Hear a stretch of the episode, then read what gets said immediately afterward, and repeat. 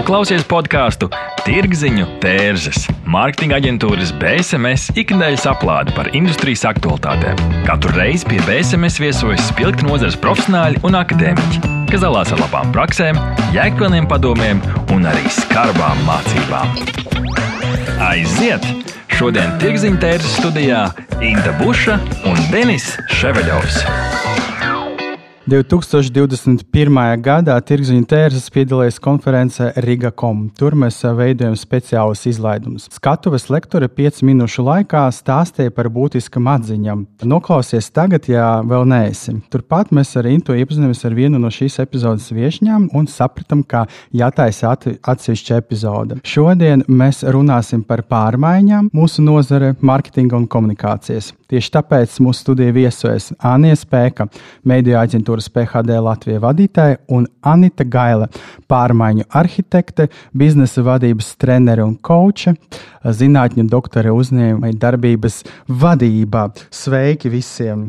Sveiki! Sveiki.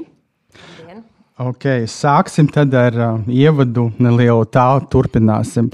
PHD aģentūras Chief Strategy Officer uh, Marka Holdena kopā ar saviem kolēģiem un nozares profesionāļiem no ASOS HSBC līdz Unilever un Volkswagen ir nācis klajā ar lielisku grāmatu Shift Marketing Rethink. Tur Holdens saka, ka mūsu nozara piedzīvo pusmūža krīzi, nosauca 15 jaunas marketinga lomas, jeb specialitātes un runa par pārmaiņām klientu aģentūras attiecības. Un tad vārds varbūt Anija uzreiz tev, par ko ir šī grāmata? Jā, Shift būtībā apkopo datu un tehnoloģijas sasniegumu un pandēmijas radīto efektu, kas ir radikāli mainījis to, kā, kāda šobrīd ir mārketinga pasaule. Sākot no tā, kā cilvēki patērē mēdījus un kā mēs viņus vispār varam sasniegt, līdz pat tam, kā mēs patiesībā mārketingā un komunikācijas jomā strādājam kopā ar klientiem. Un PHD gan mums šeit uz vietas, gan vispār tīklā mums ir būtiski uh, ne tikai sekot tendencēm, bet veidot mūsu industriju un vidi kā veselīgāku un interesantāku vidi priekš mums pašiem. Tāpēc arī top gan tādas grāmatas kā Shift, gan citas mūsu tīkla Thought Leadership grāmatas kuru galvenais mērķis ir, protams, ne tikai apskatīt visus šos notikumus, bet arī veidot stratēģiju, uh, gan tam, kā mēs jā, šobrīd kopīgi šīs, šos izaicinājumus pārvaram, gan arī izaicināt uh, vienam otru uz šīm pārmaiņām, iedrošināt, veikt izmaiņas, kas savukārt rezultēs gan ar biznesa rezultātiem, gan vienkārši tīri cilvēcīgi ar foršāku vidi, kurā strādāt. Tad saprotu, tā nav pirmā grāmata no PHD pareizi. Nē, mums uh, ik, ik pa laikam tīkls izdod uh, kādu grāmatu, bet uh, šī ir svaigākā. Iznāca pagājušā, pagā, pagājušajā gadā ar veikti pētījumi, tā skaitā arī šogad, iznāca šī gada beigās. Uh, Bet uh, man tiešām šķiet, ka šoreiz uh, esam trāpījuši un uh, globālās tendences tiešām sakrīt arī ar to, kas šobrīd lokāli notiek uzņēmumos. Es arī šo grāmatu esmu izlasījis uh, dažu nedēļu laikā. Man patīk, ka tā nu, nu nevaļīga, bet ļoti brīva mm -hmm. varbūt uh, un uh, uzrunājuša valoda. Tur daudz arī redzēja gan uh, savas profesionālas sāpes, uh, arī saskatīja daudz citus uh, klientus, vispār kas notiek nozarē. Un tad uh, nākamais jautājums vispār kādas ir tādas priekšnosacījumi šīs grāmatas tapšanai bija? Galvenie priekšnosacījumi noteikti ir pievienotā vērtība, pievienotā vērtība pēc gada diviem. Attiecīgi, ja grāmata ir vērtīga tikai tajā brīdī, kad tu viņu izlasi, viņu nav vērts uh, rakstīt. Nu, ja nu vienīgi mūsu industrija būtu varbūt tāda arī uz vēstures atskatu balstīta. Bet tā kā mūsu uzdevums ir savā ziņā prognozēt nākotni, uh, tad tas arī ir tas pamata priekšnosacījums. Līdz ar to arī grāmatas autora pulkā ir ne tikai PHD eksperti, bet industrijas eksperti. Sadarbojāmies arī ar vairākām universitātēm grāmatas uh, izveidē tieši tā iemesla dēļ, lai šie dati būtu, būtu nozīmīgi tuvākajos gados. Anī, saki tiem mūsu klausītājiem, kas nav šo grāmatu mm -hmm. lasījuši, kas īsumā tur ir rakstīts, kādas ir tās galvenās pārmaiņas, kas tiek ieskicētas? Jā, es varbūt pastāstīšu par uh, Denisa pieminēto pusmūža krīzi, kas ir tāda tieši tāda jautrākā grāmatas daļa, kur ir arī relevanta ne tikai aģentūrām, bet uh, nu, mums visiem varbūt vēl nē, bet uh, daļai arī personīgi. Un, uh, un tas arī ir koncepts, kurš atbilst ne tikai mārketinga organizācijām, bet arī nu, uzņēmumiem kopumā. Un tās galvenās pusmūža krīzes tendences un simptomi ir tieksme pēc vienkāršākiem laikiem, kad viss bija vieglāk, nebija tāds tehnoloģija apjukums, tieksmē pieņemt īstermiņa lēmumus, rīkoties strauji un tagad, dramatiskas izmaiņas, lielākoties izskatā un arī uzvedībā, domas par neusticību un to, to kā sevi mēs uztveram attiecībā pret citiem, kā mēs sevi salīdzinām ar citiem. Un, uh, ieskicējot varbūt nedaudz par katru no šīm, uh, pamats, uh, pamats pamatā ir šī jā, impulsīvā lēmuma pieņemšana, kas pēdējo gadu desmitgadē uh, pieaug it īpaši mūsu nozarē, it īpaši mārketingā, kad šie uh, īstermiņa kritēriji ir tie, kurus ir visvieglāk izsekot. Attiecīgi, īstermiņa kampaņu rezultāti uh, un, un mūsu esošās metrikas patiesībā atbalsta īstermiņa domāšanu. Un šis ir viens no tiem pusmūža krīzes uh, vēstnešiem. Un to arī Lesbinēca apstiprina, ka šobrīd tas ir biežākie, biežākie KPI, ko uzņēmumi izmanto. Diemžēl mārketingā ir tieši īstermiņa KPI. Šīs dramatiskās izmaiņas uzvedībā mūsu nozarē raksturo tas, ka pēdējos gados ir bijis ievērojami vairāk zīmola maiņu projektu attiecīgi zīmolu, zīmolu maina savu izskatu. Tad ir tas jautājums, kādēļ tas tiek darīts, vai tas lēmums ir apzināts, vai tas lēmums ir sasteigts, vai mēs vienkārši jūtam, ka šobrīd tiešām visiem uzņēmumiem ir sevi jāpārdefinē. Un tad šis arī ir viens no tiem jautājumiem, kas noteikti ir jāsaprot. Un, jā, precīzi piecas reizes populārāk ir mainīt uzņēmumiem zīmolus pēdējo gadu laikā. Un, tad sanāk, ka tagad piecreiz biežāk zīmola maina savu identitāti kā kādreiz. Piec, nu, teiksim, salīdzinoši ar 19. gadu dati, 19. un 20. gadā, jā, salīdzinot ar iepriekšējiem gadiem, piecas reizes vairāk uzņēmumu pasaulē nomainīja savu zīmolu. Tas ir uh, ievērojami. Anīt, mm -hmm. ko tu varētu piebilst, vai tu arī redzi līdzīgas pārmaiņas pašreiz nozarēs? Ļoti interesanti. Arī man būs jāķerās pie grāmatas izlasīšanas. Eh, jo man liekas, mārketings ir tā nozara vai tā zinātne, kas eh, patiesībā ir vistuvāk cilvēkiem. Jo tas nu, mārketings strādā ar cilvēku vajadzībām un arī ar tām vajadzībām, kuras cilvēki paši varbūt pat līdz galam nav izdomājuši, ka tādas viņiem vajadzības vispār ir. Un um, ļoti interesants tas aspekts uh, par to pusmūža krīzi, kā liekot kopā ar to cilvēcisko aspektu. Parasti pusmūžā cilvēki pārvērtē savas vērtības kā tādas. Um, tur gan uh, cilvēku scenārijā bieži vien tomēr vairāk lēmumi ir par labu tādiem ilgtermiņa un pamatīgiem risinājumiem, jo mums liekas, ka nu, pusmūžs pagājis un kas aiz mums paliks, ja, un tad mēs sākam ļoti nopietni skatīties, kas ir tas, ko mēs esam darījuši līdz šim, un kas ir tas, ko mēs darīsim tālāk. Bet man šķiet, ka tās pārmaiņas man vien, pirmā asociācija bija ar šo ceturto industriālo revolūciju, kurā mēs tagad visi esam līdz ausīm iekšā par to, kā mainās pilnīgi spēles noteikumi. Un neskatoties uz to, ka zinātnē par to jau runā kopš 90. gadiem, tad nu, tā realitāte tagad ir atnākusi ar to, ka ir tehnoloģijas, viss ir ļoti ātri.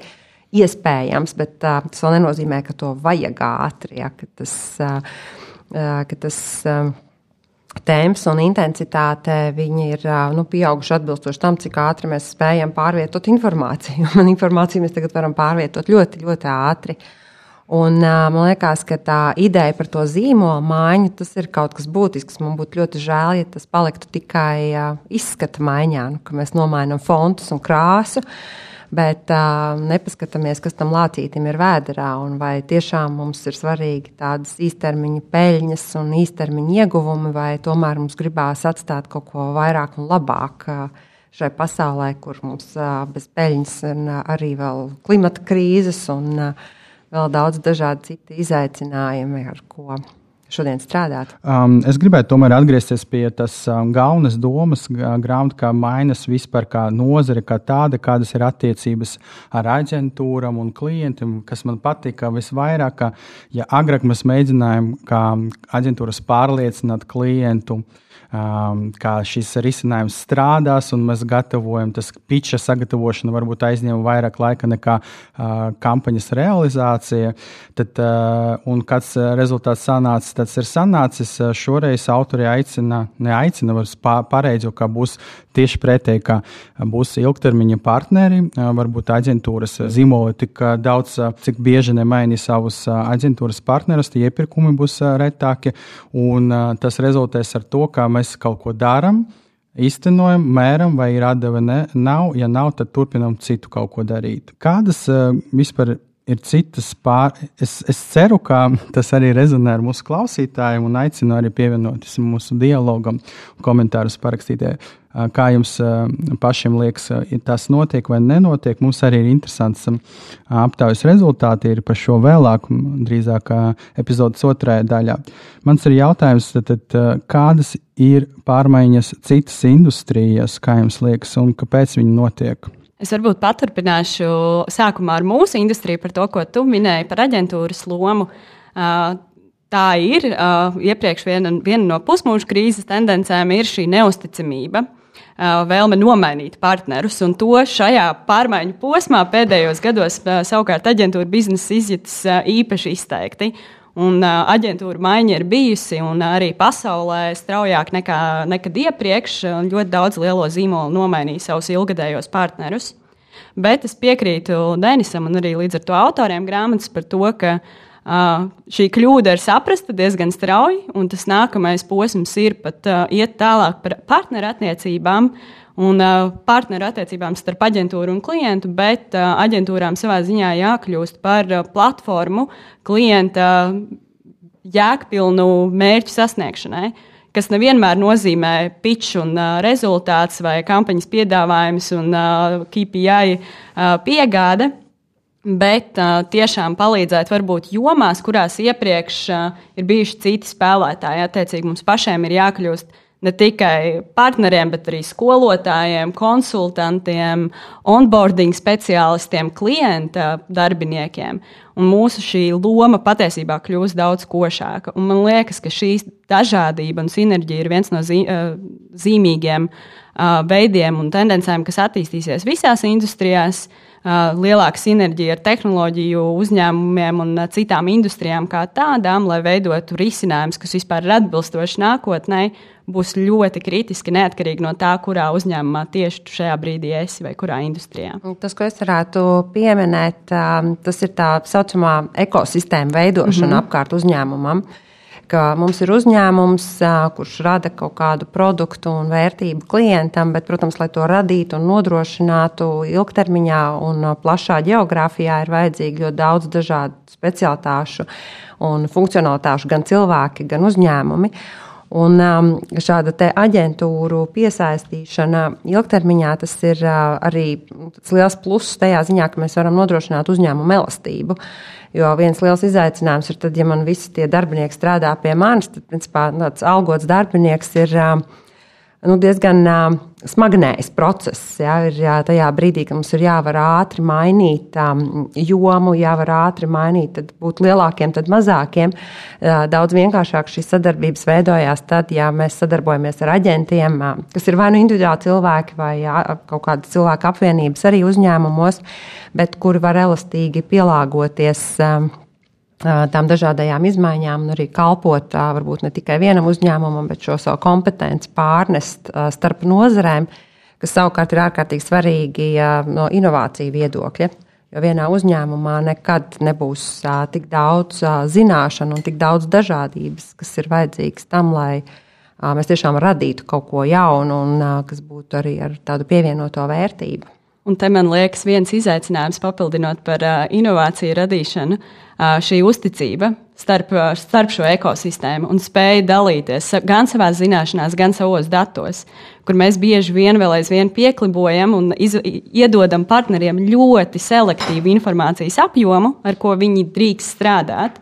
Un tā ir tā robeža, kas ir jāpārkāpj un jāuzticas, jo, lai būtu tiešām tāda forša pievienotā vērtība no šīs ekosistēmas, ir ir jāatver durvis varbūt uz tiem informācijas skapīšiem, kas vēsturiski ir bijuši aizvērti. Bet tā arī tāda, laikam, neusticības pazīme ne, par to, ko mēs tagad runājam. Es skatos, ir daudz tagad lielie starptautiskie zīmoli, kas savā starpā dibina lielisks, nu, krāšņas sadarbības, un tas nebūtu arī iespējams bez tādas savstarpējā uzticības kredīta došanas. Un tas pats attiecas arī ar partneriem, kas tiek izvēlēti tajā ceļā, kas tad iesaistās. Tieši tā. Mm. Uzticība, man liekas, ir tāds ļoti kritisks punkts vispār sadarbības veidošanā, un arī tīpaši, mēs runājam par pārmaiņu vadīšanu un ieviešanu. Tas bez uzticības faktiski nenotiek. Un, Iespējams, ka tas, kas ir noticis, kāpēc tā pusmūža krīze ir iestājusies un kāpēc mēs tagad pēkšņi gribam mainīt gan aģentūras, gan sadarbības partnerus, gan arī mēs dzirdam par to, ka ir lielā atlūgumu krīze vai lielais atlūgumu bums, kur cilvēki ir pusotru gadu pasēdējuši mājās un sapratuši, ka viņi šeit vairs nestrādās, viņi ies tagad kaut kur citur strādāt. Tas viss ir par uzticību, par to, vai es spēju uzticēties pirmkārt pats sev, otrām kārtām citiem cilvēkiem man blakus un uzņēmumiem, ar kuriem es strādāju vai kuros es strādāju. Kā jums liekas, vai tas pārmaiņas? Tagad tiešām notiek tāda pārbīde, tas ir pēkšņi tagad, vai tas ir nemitīgs process. Kāpēc jautāju? Es eh, vēl sen, sen, gandrīz pirms 15 gadiem, kad eh, Erasmus un Vācijas, uh, Vācijas, mācījos Vācijā. Mums bija tāda priekšmets, Verwandlungs, uh, Verwaltung, tāda uh, change management, un tur mums bija pasniedzēja no Rolls Royce tas sadaļas, kura ražo tīri dzinējs. Es domāju, kas par ko viņi tur runā, tas ir svarīgi. Un viņi, viņi runāja par kaut kādu dažādību, iekļaut cenu. Tas bija pirms 15 gadiem. Vai tagad tas ir vienmēr noticis, vai tagad tiešām ir kaut kāds um, nu, ceitgājs mainījies, vai kaut kā paradigma mainās? Mm -hmm. No mārketinga perspektīvas, protams, izmaiņas notiek vienmēr un regulāri, un katru dienu mums ir jāmācās jaunas lietas un jauni rīki. Tāpat laikā ir posmi, kuros pārmaiņas notiek intensīvāk, un pārmaiņu ieviešana ir kļuvusi kritiskāka. Šajā gadījumā tāds labs salīdzinājums varētu būt finanšu krīze, kurā attiecīgi uzņēmumi arī bija spiesti veikt pārmaiņas. Un, Salīdzinot uzņēmumus, kas tajā brīdī arī reaģēja impulsīvi un, kā, kā jau mēs iepriekš runājām, mārketinga krī, pusmūža krīzes kontekstā šie uzņēmumi zaudēja uzņēmumiem, kas rīkojās un veidoja ilgtermiņa stratēģijas par 47%. Attiecīgi, uzņēmumi, kas šīs kritiskos pārmaiņu punktus izmanto, ir tie, kas pēc tam ir šie līderi. Un, salīdzinot ar tehnoloģiju un mūsu industrijas izaugsmi, šie desmit mēneši, kas tika apstīti arī grāmatā par pandēmijas laiku, ir pielīdzināmi tam izaugsmas ātrumam, kas ir iepriekšējo desmit gadu laikā sasniegts. Attiecīgi, desmit mēnešos mēs esam piedzīvojuši desmit gadu izmaiņas. Mm -hmm. tad, tad tas ir tas, par ko mums stāstīja globāli. Tur čāra un tādas lietas. Beidzot, atnāca tā krīze un izmantojam iespēju un iespējams tas pārmaiņas. Jā, jo patiesībā jau tagad daudzas pārmaiņas notika. It kā mēs saprotam, ka viņām bija jānotiek, un tas process jau bija sācies sen, sen atpakaļ. Jā. Bet šis bija tas vajadzīgais pušs, lai beidzot kaut ko izdarītu un pamainītu lietas, par kurām it kā mēs jau sen runājam. Tā ir, jo, piemēram, par to, ka attīstās zināšana ekonomika, tas arī ir tāds fenomens, kas bija jau no pagājušā, gada 70, pagājušā gadsimta 70. un 80. gadiem, bet, protams, tur kritiskā masa vēl nebija sasniegta, jo cik ir tie cilvēki, kas faktiski strādā zināšanu ekonomikas apstākļos. Šodien tas jau ir ļoti liels skaitlis, kā mēs redzam, tad uh, vajadzība pāriet uz attālināto darbu. Viss ir pārgājuši desmit mēnešos, desmit gadu laikā. Un, um, tas, par ko rakstīja, ka jā, arī individuāli cilvēkam būs šis zināšana un sociālais kapitāls pietiekami, ka viņi būs uh, kā neatkarīgas aģentūras, uh, darbosies, uh, pārdodot savus pakalpojumus uh, dažādiem uzņēmumiem. Tas jau arī bija ļoti, ļoti sen uzrakstīts, praktiski 50 gadus atpakaļ. Tā kā nevar teikt, ka tas, kas ir noticis, ka tas ir pārsteigums, bet es pati. Esmu, man reālā pieredze ir runāt ar uzņēmumu 20. gada janvārī, kuri stāstīja, ka viņiem nu, kaut ko mācīt viņu vadītājiem vai darbiniekiem par attālināto darbu, ka tas viņu, viņu konkrētajā gadījumā nav iespējams. Nu, 16. martā viņi visi strādāja attālināti. Tikai viņi nebija tā sagatavojušies tām pārmaiņām, un līdz ar to sanāk tas efekts, ka mēs zaudējam tos, cik Tonija teica, 47%. 40, 58. 58% mēs zaudējam mm. dēļ tā, ka mēs varbūt nebijām izlasījuši kādu grāmatu, pasakojuši līdzi kaut kādiem aktuālākiem blogiem, podkāstiem par to, kas vispār pasaulē notiek, un mēģinājuši attiecināt uz to savu industriju vai nozaru, kur mēs esam. Un tad uh, mums šādas pandēmijas pārsteidz nesagatavotus, un tad faktiski tā vietā, lai mēs kapitalizētu uz tām pārmaiņām, mums sanāk, ka mēs nu, jau vadām vairs nevis pārmaiņas, bet krīzi, un tas, diemžēl, ir ar mīnuszīmi. Okay, tad, tad, kādas ir vēl tendences? Mēs iezīmējam, kā ekosistēmas veidošana, aģentūras, kā platformas, ciešākas partnerattiecības. Kādas ir vispār prognozes šim gadam, 2020? 22. Un kāda, ko mēs redzam, ko, ko var gaidīt tuvāko piecu gadu laikā? Es uh, varbūt ieskicēšu arī tādus, uh, tādus makro, makro trendus, nevis mikro trendus, un līdz ar to uh, viņi ietekmēs to, kā mēs vispār veidojam uh, tālāk savu, savus uh, stratēģijas. Un, uh, mēs jau pieminējām uzticību, un uh, viens no makro trendiem, ko arī uh, mūsu tīkls paredz, ir uh, uzticības krīze no dažādiem aspektiem. Tā skaitā, protams, patērētāju uzticības krīze un uh, arī šī pieaugušā, pieaugušā neusticēšanās zīmoliem. Un uh, savā ziņā arī šīs informācijas pārbaudīšana par konkrēto zīmolu. Un šeit arī interesanti ir tas, cik nozīmīgi kļūst arī tāda uzņēmuma jēgpilna komunikācija un šīs uzticības veidošana. Jo daudz lielāka nozīme tiks piešķirta tam, kā šis uzņēmums komunicē un vai šī uzņēmuma, uzņēmuma mērķi sakrīt ar maniem individuālajiem mērķiem.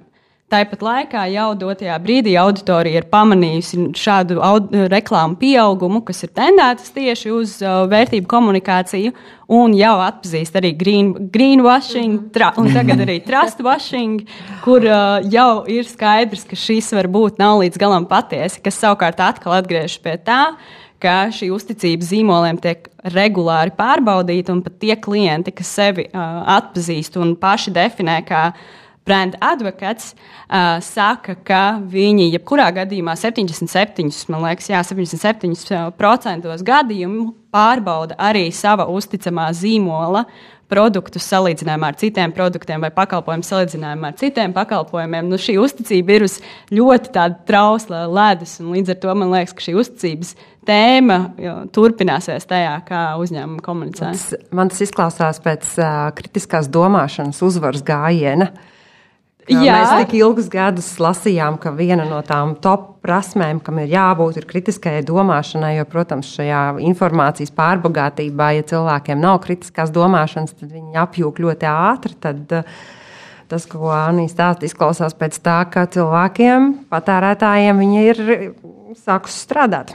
Jā, bet tāpat laikā vēl viens trends ir eh, šī seklā dzīve, eh, seklā uztvere tieši informācijas kontekstā ja mēs runājam piemēram par uh, reklāmas tekstiem, tad uh, knapi tiek uztverti teksti līdz uh, simt, simt zīmēm un, un tā tālāk. Un tas uh, turpināsies attīstīties arī tajā, ka video tiek, tie, lai arī tiek uztverts ātrāk, tiek uztverts arvien pasīvāk. Uh, un tā būs informācija, ko vēl mazāk uztver. Līdz ar to tad, uh, mums, kā, kā mūsu industrijas pārstāvjiem, būs tiešām jādomā, kā vispār to uzmanību noķert uh, brīdī, kad tas informācijas apjoms savukārt ir, būs vēl lielāks, vēl ātrāks, vēl pārbagātāks. Man tas ļoti sienās kopā ar to, ka arī vedot pārmaiņas, vadītājs, kurš izdomā, ka viņš tagad vadīs pārmaiņas, viņam dabūt to atbalstu no cilvēkiem ir īstenībā ļoti grūts uzdevums kur es nevaru tā kā tagad nāk Ziemassvētki, es uzlikšu kaut ko uz atlaidēm, un tagad viss ir šito pirks. Ja man nav iepriekš izveidotas attiecības, ja nav tas, tā uzticība jau veidojusies kaut kādā ilgākā periodā, tad nu, faktiski ar tādu vienu ar baneriem nesanāks. Ar mandarīniem nesanāk tā, jā. kā gribētos. Jā, un tas ir tas, kas prasa tās personisko attiecību veidošanu kas ir droši vien diezgan pamatīgs izaicinājums. Tas īstenībā izklausās pēc uh, kampaņas tendera, kur pusgadā man vajadzēs zīmolam lojalitāti. Tas izklausās ļoti pēc tā. Un tad mēs vienmēr domājam, nu, ok, ko tagad iesākt? ko jūs domājat ar vārdu lojalitāte? Arī. Okay, tad, tad mūsu saruna virzas vairāk uz praktiskām lietām. Tad arī par šo parunāsim pēc neliela pārtraukumā.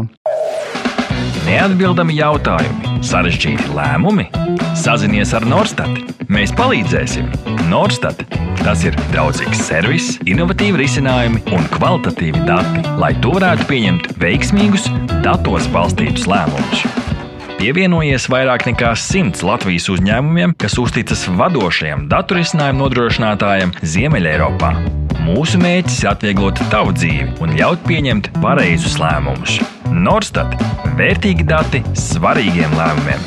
www.norstat LV Mums ir kaudze ar dažādiem jautājumiem, bet pirms tam es gribētu padalīties ar mūsu aptaujas datiem. Mūsu draugi Norstat pajautāja 752 respondentiem šoreiz jautājumu, vai jūs, jūsu darba vietā pēdējā gada ir notikusi modernizācija. Un tad 16% teica, ka jā, noteikti, un drīzāk nebija viena trešdaļa, un arī trešdaļa saka, ka drīzāk jā. Tā kā kaut kādas modernizācijas pārmaiņas notiek. Un nākamais jautājums arī bija interesanti paskatīties, cik paši tie darbinieki ir iesaistīti tajā procesā. Jautājums sekojušais. Vai pēdējā gada laikā jūs esat ierosinājis darba procesu pārmaiņas savā organizācijā? Un Surprise! 11% teica, ka jā, viņi dara to regulāri. Tad um, 28% teica, ka Viņi to izdarīja, jo bija nepieciešamība. Tad mēs arī redzam, ka 7% teica, ka nē, jo baidas un nejūtas droši par pārmaiņām. Ierosinātam 29% teica, ka nē, jo nebija tādas vajadzības, kas ir arī interesanti. Mēs šo varbūt arī runāsim tālāk. Un citiem teica, ne, jo teica, ka, ne, ka nezinu, kādas pārmaiņas ir nepieciešamas Un 6% arī atklāti teica, ka jā, nē, jo nepatīk pārmaiņas. Un tur mēs arī redzam, ka vairāk aktīvi vērsti uz pārmaiņām ir mm, respondenti uh, gadus jaunāki. Uh, Visaktīvākie ir, protams, uh, tie tā saucamie jaunieši no 18 līdz 29, un jo vecāki ir, tad uh, viņi varbūt nav tik atvērti pārmaiņām. Ko liecina šie dati? Apkopojot, sanāk 48% saka nē, kaut kādu iemeslu dēļ, un 39% jā. Par modernizāciju darba vietās un par pārmaiņām kā tādām. Um, tie dati, manuprāt, ļoti apstiprina arī citu pētījumu datus par to, ka šī pandēmija faktiski ir uh, radījusi tās seklās pārmaiņas ka lielākā daļa organizāciju cenšas izbraukt uz tā rēķina, ka cilvēki mainīs savu uzvedību. Nu, viņi iemācīsies strādāt attālināti, iemācīsies paši organizēt savu dzīvi un darbu, un respektīvi tas pāriet tajā cilvēku prasmju līmenī.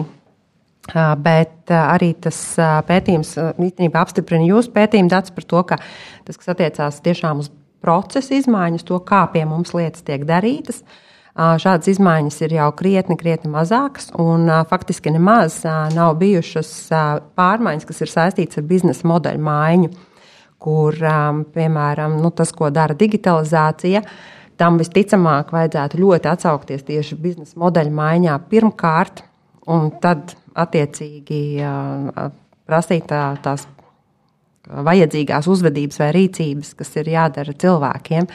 Un, uh, tad sanāk tā, ka mēs faktiski gaidām, ka pārmaiņas mums dos cilvēki, kas strādā. Viņi, protams, kaut kādā pakāpē to var izdarīt, bet tās pārmaiņas, kas ir šodien vajadzīgas, tas ir jādara tiem mastermindiem, kas ir aiz biznesa modeļiem. Jā, ok. Tad, tad um, kāpēc pārmaiņas bieži tiek skatītas kaut kaut slikts? vai tas ir cilvēku iziešanas ārpus komforta zonas, kā, kā nu, mēs saprotam, ka pārmaiņas ir vajadzīgas. Jā, mēs katrs tur vismaz vadītāju līmeņos izjūtas, cik bija grūti cilvēkus mobilizēt, vispār adaptēt jaunas realitātes, lai viņi tur pieslēgtos tiem zumiem. Tad tālāk, kas ir tas? Es domāju, ka viens Savs. no tādiem būtiskākajiem iemesliem, kāpēc pārmaiņas nepatīk vai kāpēc viņas ir grūtas, ir tas, ka jebkuras pārmaiņas ir mācīšanās process. Faktiski man ir jāiemācās kaut kādas jaunas rīcības, uzvedības, tehnoloģijas, nu, pilnīgi jebkas. Un mācīšanās vienmēr ir saistīta ar diezgan pamatīgu piepūli. Un, kas ir. Nu, Diemžēl. jā, gribot, negribot. Tāpēc, protams, viena no lietām, ko aicinu darīt, vienmēr ir domāt par to, ka organizācijās, par to, kā mēs vispār mācāmies. Palīdzēt cilvēkiem iemācīties, mācīties un tiešām atbalstīt jebkuru iniciatīvu, ko cilvēki grib iemācīties, pat ja viņi mācās kaut kādas lietas, kas nav saistītas tieši ar darbu. Uh, tā prasme, ka viņi prasīs mācīties, viņiem būs tā pieredze ar to, ka es mēģinu, un ka nesanāk, un ka es mēģinu atkal, un tad vienā brīdī tomēr kaut kas sanāk, un, un tas darbojās. Tas ir, tas ir tas, kas palīdz tikt uz priekšu. Otra lieta, kas ir arī ar šo pašu saistīta, bet um, tas ir saistīts ar to, ka, lai iemācītos, um, ir, kā, iemācīšanās viņa pirmais posms uh, ir um, tas, kas saucās aizmiršana un, vai atmācīšanās. Respektīvi, es nevaru iemācīties kaut ko jaunu, kamēr man ir pilna galva ar veco vai pilna ķermeņa atmiņa ar kaut kādām iepriekšējām kustībām. Man tas ir jāaizmirst. Um, un, uh, tas ir tas, uh, kas ir.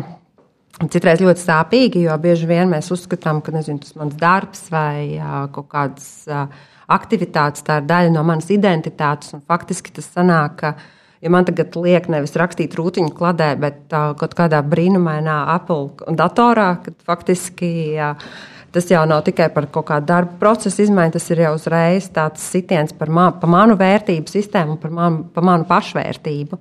Un, um, diemžēl pozitīva atgriezeniskā saite mūsu sabiedrībā un uzņēmumos nav pirmajā vietā. ja? Un līdz ar to cilvēkiem tādu Kāpēc? veselīgu pašvērtību uzturēt ir ļoti uh, grūti. Kāpēc tā pozitīva atgriezniska saite nav? Jā. Jo izrādās, tas ir ļoti grūti uh, sniegt kvalitatīvu, pozitīvu atgriezenisko saiti, tā ka cilvēki zina, ka tas ir tas, ko viņi dara, ka tas ir tas, ko viņi dara labi, un ka tas ir tas tā vērtība, ko viņi pievieno, ir um, kaut kādas konkrētas uh, lietas. Viena no lietām, ko es diezgan bieži dzirdu, ir, ka nu, es tam cilvēkam teikšu, ka viņš strādā labi, viņš vēl tur sadomāsies, nezinu, prasīs lielāku algu vai ies pie cita darba devēja, kas ir arī patiesībā stāsts par uzticību. Par to, vai es varu uzticēties saviem cilvēkiem un tiešām slavēt viņus par to, ko viņi prot izdarīt ļoti labi, lai viņiem nav tās šaubas par to, ka man ir obligāti jāturās te un tikai te, bet ka es esmu vērtīgs. Un, jā, tā šito vairs šodien nevajag, bet es esmu gatavs iemācīties to nākamo lietu. Par to atmācīšanu tas ir ļoti vērtīgs moments. Es pat nekad nebiju aizdomājies par šo. Varbūt tas ir saistīts ar to, ka esmu piederu arī tajā vecuma grupai, kurai uh, patīk pārmaiņas darba procesi. Viņi drīzāk uh, uh, pozitīvi to un pilnīgi noteikti pozitīvi novērtē. Un redzam, ka drīzāk negatīvi to novērtē arī cilvēki pēc 50. Es domāju, ka tiešām tas ir moments atmācīties vispār kaut ko darīt.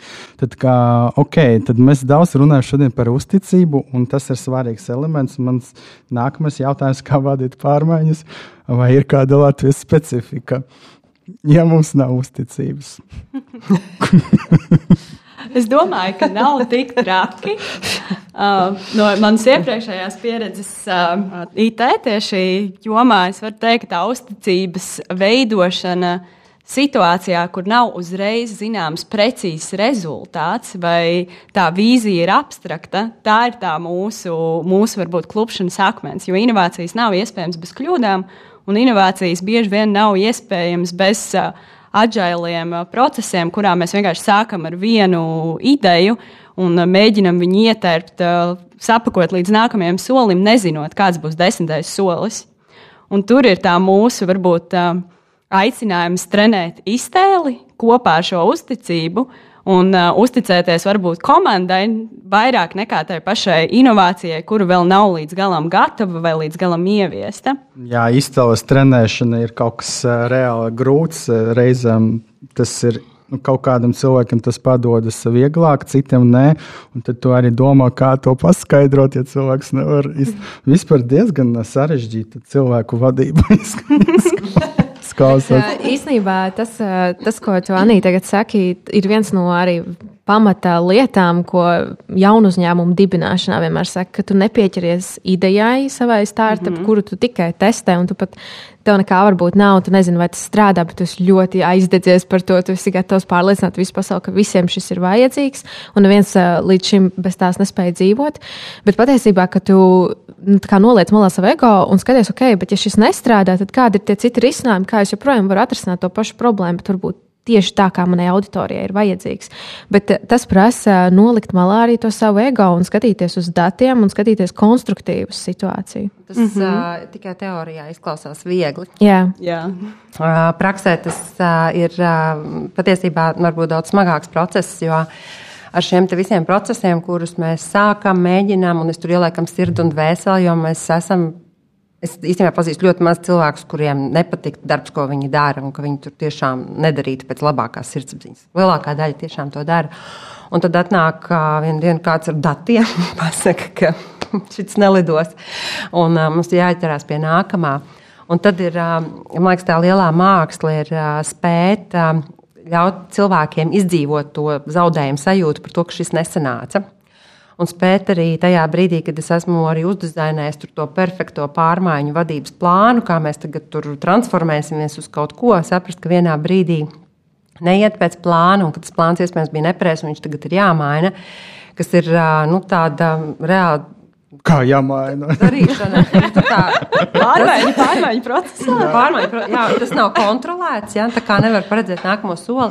Un tas brīdis, kad vadītājiem arī ir jāvar pateikt, ka mm, šis nestrādā. Un, uh, tas nenozīmē, mm. ka mēs tagad visam atmetam ar roku, bet ka jā, mēs varbūt apsēžamies. Uh, Paskatāmies, kas ir tas, ko mēs darījām, kas ir tas, ko mēs izdarījām labi, kas ir tas, ko mēs noteikti gribētu atkārtot arī nākamajā procesā, bet kas ir tās lietas, kuras mēs nākošais pilnīgi noteikti darīsim citādāk vai nedarīsim nemaz. To var saukt arī varbūt, ar tādu sērošanas rituālu, ja, par to, ka nu, šis mums nesanāca, bet pārvērst to tādā produktīvā virzienā ar to, ka jebkura pieredze ir ļoti laba pieredze. Un pat ja tas nenostrādāja, mēs varam to visu sapakot un nolikt. Bet paņemt tās atziņas priekš nākamajām idejām un nākamajām pārmaiņām, lai nav tā, ka mēs katru reizi divriteni izgudrojam no jauna. Mm -hmm. Mēs principā sākam atkal tajā pašā vietā. Bet, tas, tas, kas ir pārmaiņās, pārmaiņās vienmēr ir šis moments ar to zaudējumu. Viens no pārmaiņu vadības modeļiem kā reiz ir par to, ka vispār, pārmaiņas sākās tad, kad kaut kas beidzās ar beigām. Un, tā spēja atzīt to, ka ir kaut kādas lietas, kuras vairs nebūs. Jā, es tā klausos, un tad, eh, principā, tas arī atkal ir tev pilnīgi pareizi, ko teici par tam jaunu uzņēmumu, kā vajadzētu iemācīties fail fast, mācīties no tā. Bet mūsu kultūra vispār eh, būt zaudētājiem ir ļoti slikti, un mūs, mēs ķeramies pie tādas idejas un baidamies eksperimentēt. Par šo arī eh, grāmatā raksta, ka vajag veidot tādu smil, smil, smil, kasti. smilšu kasti, ļaut uh, saviem talantiem tur kaut ko eksperimentēt. Uh, visdrīzāk daudz no tā nesanāks, bet, ja kaut kas sanāks, tu būsi gatavs uh, nākotnes izaicinājumiem un tām pārmaiņām. Un mūsu, es, man nav statistikas, bet tāds aizdoms ir, ka tie cilvēki, kuri ir atbildīgas uh, lēmumu pieņēmuma pozīcijas, viņi ir tie 50 plus gadi.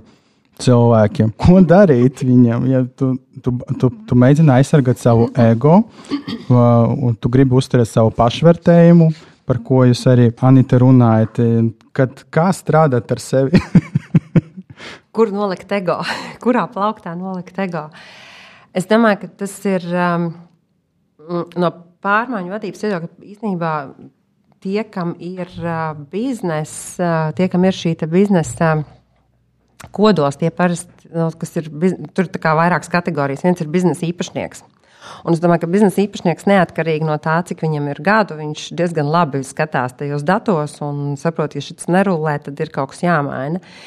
Un uh, bieži vien izrādās, ka tas uh, lielais šķērslis patiesībā ir arī pat ne cilvēki, jo cilvēki arī ir ļoti pragmatiskas būtnes. Viņi ļoti labprāt nāks uz darbu un darīs, jo viņiem vajag naudu, lai iegādātos tos brīnišķīgos produktus, kas viņiem ir iemārketēti.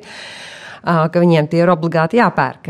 Bet savukārt vadītājam pašam tas ir nu, tāds visnepatīkamākā situācija ir tieši vidējā līmeņa vadītājam, kurš pats varbūt arī šīs pārmaiņas vairs netik ļoti arī vēlās, bet viņš ir arī atbildīgs par to, lai tās pārmaiņas ieviestu. Ko darīt vadītājam, lai šo te procesu, no, kā neapstātos būt jauns, ir ieviest sev praksi, reflektēt. Tā kā viens ir tiešām strādāt, vai tas ir terapeits vai kočs, vai tā ir vienkārši dienas grāmata, ko cilvēks raksta, bet dabūt vietu, kur es spēju paskatīties atpakaļ uz vakardienu, kas tad ir tas, ko es darīju, kas ir tas, ka, kas, kas ir bija atkarīgs no manis, un kas bija tas, ko es varēju izdarīt labāko, ko es būtu varējis izdarīt, bet tik un tā tas iznākums būtu bijis tieši tāds pats. Un um, spēt nu, apzināties tās savas ietekmes robežas, uh, tas parasti ļoti palīdz uh, tādā sazemēšanās un sacentrēšanās ap to, ko man vajag izdarīt, ko es varu izdarīt, un kas ir labākais, ko es varu izdarīt arī šajā uzņēmumā vai šajā vietā. Noteikti katram vadītājam arī vajadzētu, tas droši vien pavērst tagad burvīgas iespējas visām mārketinga aģentūrām. Vadītājiem arī vajadzētu būt, ka viņam ir sava vīzija, misija un tāds personiskais zīmols. Es vēl pāris dienas atpakaļ vienā coaching sesijā pārsteidzu vienu vadītāju ar to, kas pajautāja, kāda ir viņa vīzija. Viņš tam viņš tā pilnīgi izbrīnījies, vai to vai tiešām man ir jābūt kaut kam tādam. Bet, ja man tā nav, tad man ir ļoti viegli sapīties nu, tajā savā ego un nedomāt par to, kas tad ir tas, tā lielā pievienotā vērtība, ko es dodu citiem cilvēkiem. Jā, un, cik interesanti. Es redzu dažus cilvēkus, kuriem nav vīzijas, un tagad tas varētu skaidrot tos mm, barjeras, teikt tā. Okay, kas vadīs pārmaiņas mūsu industrijā Latvijā vispār? Kas būs tas līderis? Tie būs ārzemju klienti, kuri te atsūtīs kaut kādu one page un teiks, kā rekordā mēs taisam pārmaiņas. Tie būs vietējie lielie uzņēmumi vai tas būs. Uh, Mēs aģentūras. Jā, man bija tieši arī ļoti interesanta saruna taksija ar vienu no šifta autoriem. Uh, un, uh, mēs, viņai tieši mēs runājām par to praktisko šiftu ieviešanu un workshopiem, kas mums ir plānā. Un, uh, un es viņai arī jautāju, nu, kā tev liekas, vai jums Londonā nu, to būs vieglāk ieviest, vai, uh, vai, nu, vai mums Latvijā ir jāpagaida vēl trīs gadi, lai mēs varētu tikt tev līdzi. Un viņa tā pasēž un padomā, viņa saka, ka nu, īstenībā man liekas, ka jums Rīgā ar lokāliem klientiem ieviest pārmaiņas ir ērtāk un izdevīgāk. Pirmkārt, ir šī uzticība, otrkārt, ir šīs mazās komandas, small scale, ar lielu impaktu pēc tam. Un līdz ar to uh, viņas vērtējums bija, ka, ja mēs tagad uh, vienlaicīgi sāktu, ka mēs Rīgā tiktu ātrāk uz priekšu. Uh, tieši tāpēc, ka globālajās organizācijās, jā, tur ir lielāki resursi, lielais pīķis un viss notiek, bet tāpat laikā tur ir šīs struktūras, tur ir šī atmācīšanās, tur ir šie organizis, oh, vārdi, organizatoriskie izaicinājumi, kas ir jāpārvar, uh, un tie arī ir lielākā skalā nekā mums šeit. Un līdz ar to varbūt arī vienkārši nav jāgaida tie divi, trīs gadi pēc, pēc kaut kāda globāla trenda, ka tas mums ir pieejams, bet tiešām eksperimentēt kopā jau tagad. Jo jā, tas tajā mazajai skalai ir šis smilškas efekts. Mēs varam būt daudz brīvāki. Jā, vispār eh, mēs tā bieži epizodēs runājot par kaut kādiem jautājumiem, uzdodam to jautājumu, nu, kurš tad par to ir atbildīgs, kuram jāsāk, kurš ir tas, būs tas tagad karoga nesējs. Un citreiz eh, mums eh, viesi atbild, nu, tur ir valsts organizācija, tā ir valsts atbildība, tur likumdošanas līmenī varbūt tas vēl kaut kas, vēl kaut kas. Un tagad ir, ir forši dzirdēt, ka kāds saka, bet hei, mēs paši varam un, un vienkārši jāiet un jādara. Un ar salīdzinājumu ar kādu citu organizāciju vai citām valstīm, kur, nezinu, tur citi procesi birokrātiskāki, lielāks sarežģītāki un tā tālāk, tas būtu daudz sarežģītāk kā mums uh, šeit. Vai Anita, tu arī tā redzi līdzīgi, ka vienkārši jāiet un jādara un attiecībā uz pārmaiņām, ka mums ir visi rīki, lai, lai to izdarītu? Absolūti. Es pilnīgi piekrītu tam, ka, ja kāds vēlās pārmaiņas, tad viņš viņas arī sāk veidot. Un, tas, kas ir ļoti interesanti no pārmaiņu vadības teorijas, ir par to, ka mēs bieži vien domājam, nu, kas tad ir tas, kas padara pārmaiņu procesu veiksmīgu. Tad parasti runā par komunikāciju, par apmācībām un visādām tādām lietām, kas prasa tos resursus un struktūras, kas to tur. Bet uh, dienas beigās, tad, kad izanalizē, kas ir bijis veiksmīgo pārmaiņu pamatā, tad tur ir kāds vadītājs, kurš ir dedzis par to lietu. Un, es domāju, ka tas ir tas, ko mēs šeit varam ļoti labi realizēt. Ja mēs tiešām gribam kaut kādu pārmaiņu, tad nu, principā, katrs cilvēks Latvijā mums atrodas pusotra telefona zvana attālumā. Jā, tikai neviens nezvan vai baidās zvanīt. Tas ir mans novērojums. nu, teiksim, viens Denisam nezvanīs attālumā. Jā, ok, labi, ļoti interesants saruna. Mums vajadzētu lēnītam jau finalizēt, kaut vai tā tēma tik liela, tā kā mīļa klausītāji. Ja jums patīk šī tēma, lūdzu padalieties savos sociālos tīklos ar šo epizodi.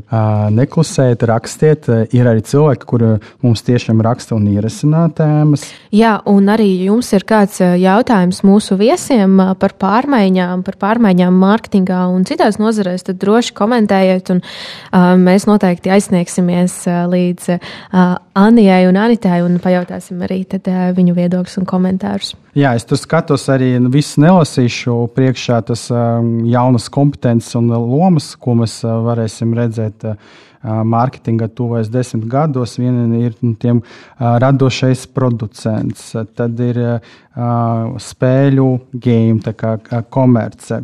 Tad uh, tehnoloģija orķestrācija, kas ir ļoti interesanti, un tas ir ar to, kā mēs varam tehniski apvienot visu mūsu klientus, datu bāzes. Tad uh, ir uh, video komercija, influencer programmatic teams, ļoti interesanti. Decision science. Uh, Jautājums ir, ja cilvēks nespēs uzņemt pārmaiņas, kas notiks un kādas profesijas un organizācijas nebūs vajadzīgas? Šeit mēs runājam, kāda būs vajadzīga šai grāmatai, ko es tur tagad rokas klausīties un neredzu, bet kādas profesijas nebūs. Nebūs vajadzīgas visas tās profesijas, kuras strādā pēc uzrakstīta darba apraksta. Jo, ja jūsu darbu var uzrakstīt darba aprakstā, tad tas nozīmē, ka kāds kaut kur sēž un to programmē.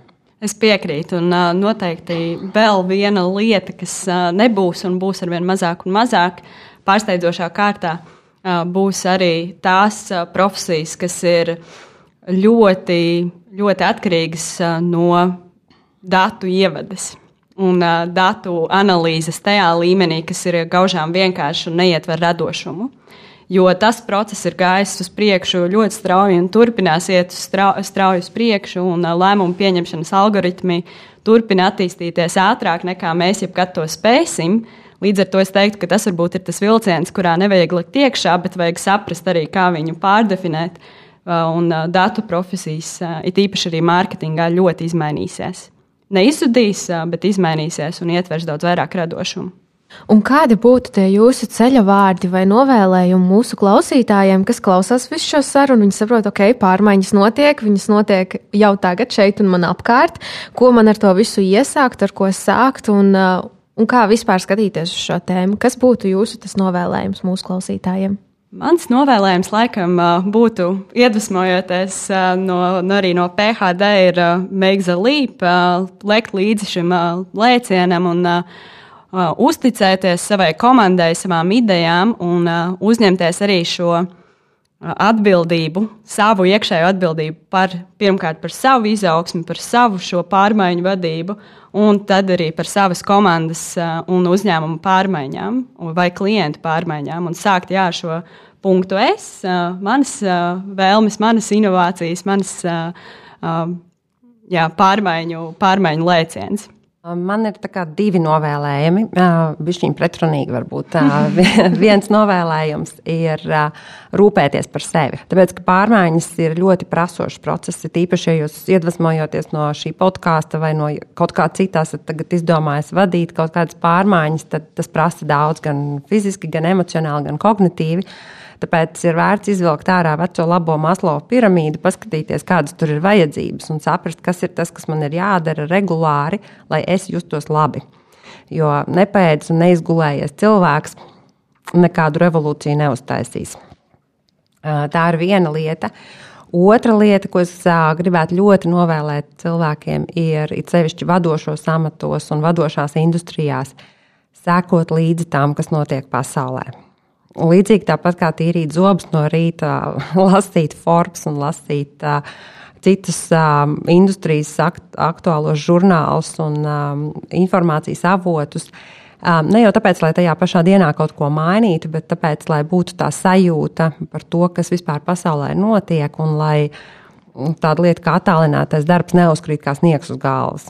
Mans aicinājums visiem vadītājiem būtu apsvērt domu, veidot kaut kādu drošu telpu eksperimentiem, atvēlēt tādam varbūt dažas stundas mēnesi un identificēt tos arī darbiniekus, kuriem tas patiks.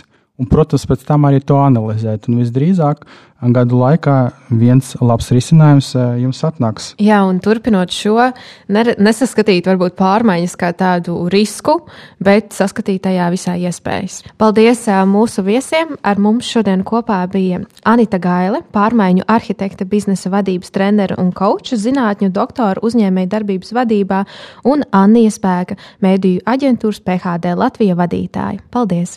Paldies! Paldies, ka klausījāties BSMS podkāstu Tirziņu tērzes. Aplādi ar labām praktiskām, jēgpilniem padomiem un skarbām mācībām. Patika epizode? Dalies sociālajos medijos, ir idejas tēmām vai viesiem? Raksti mums! Tās bija Tirziņu tērzes. Tiekamies nākamnedēļ!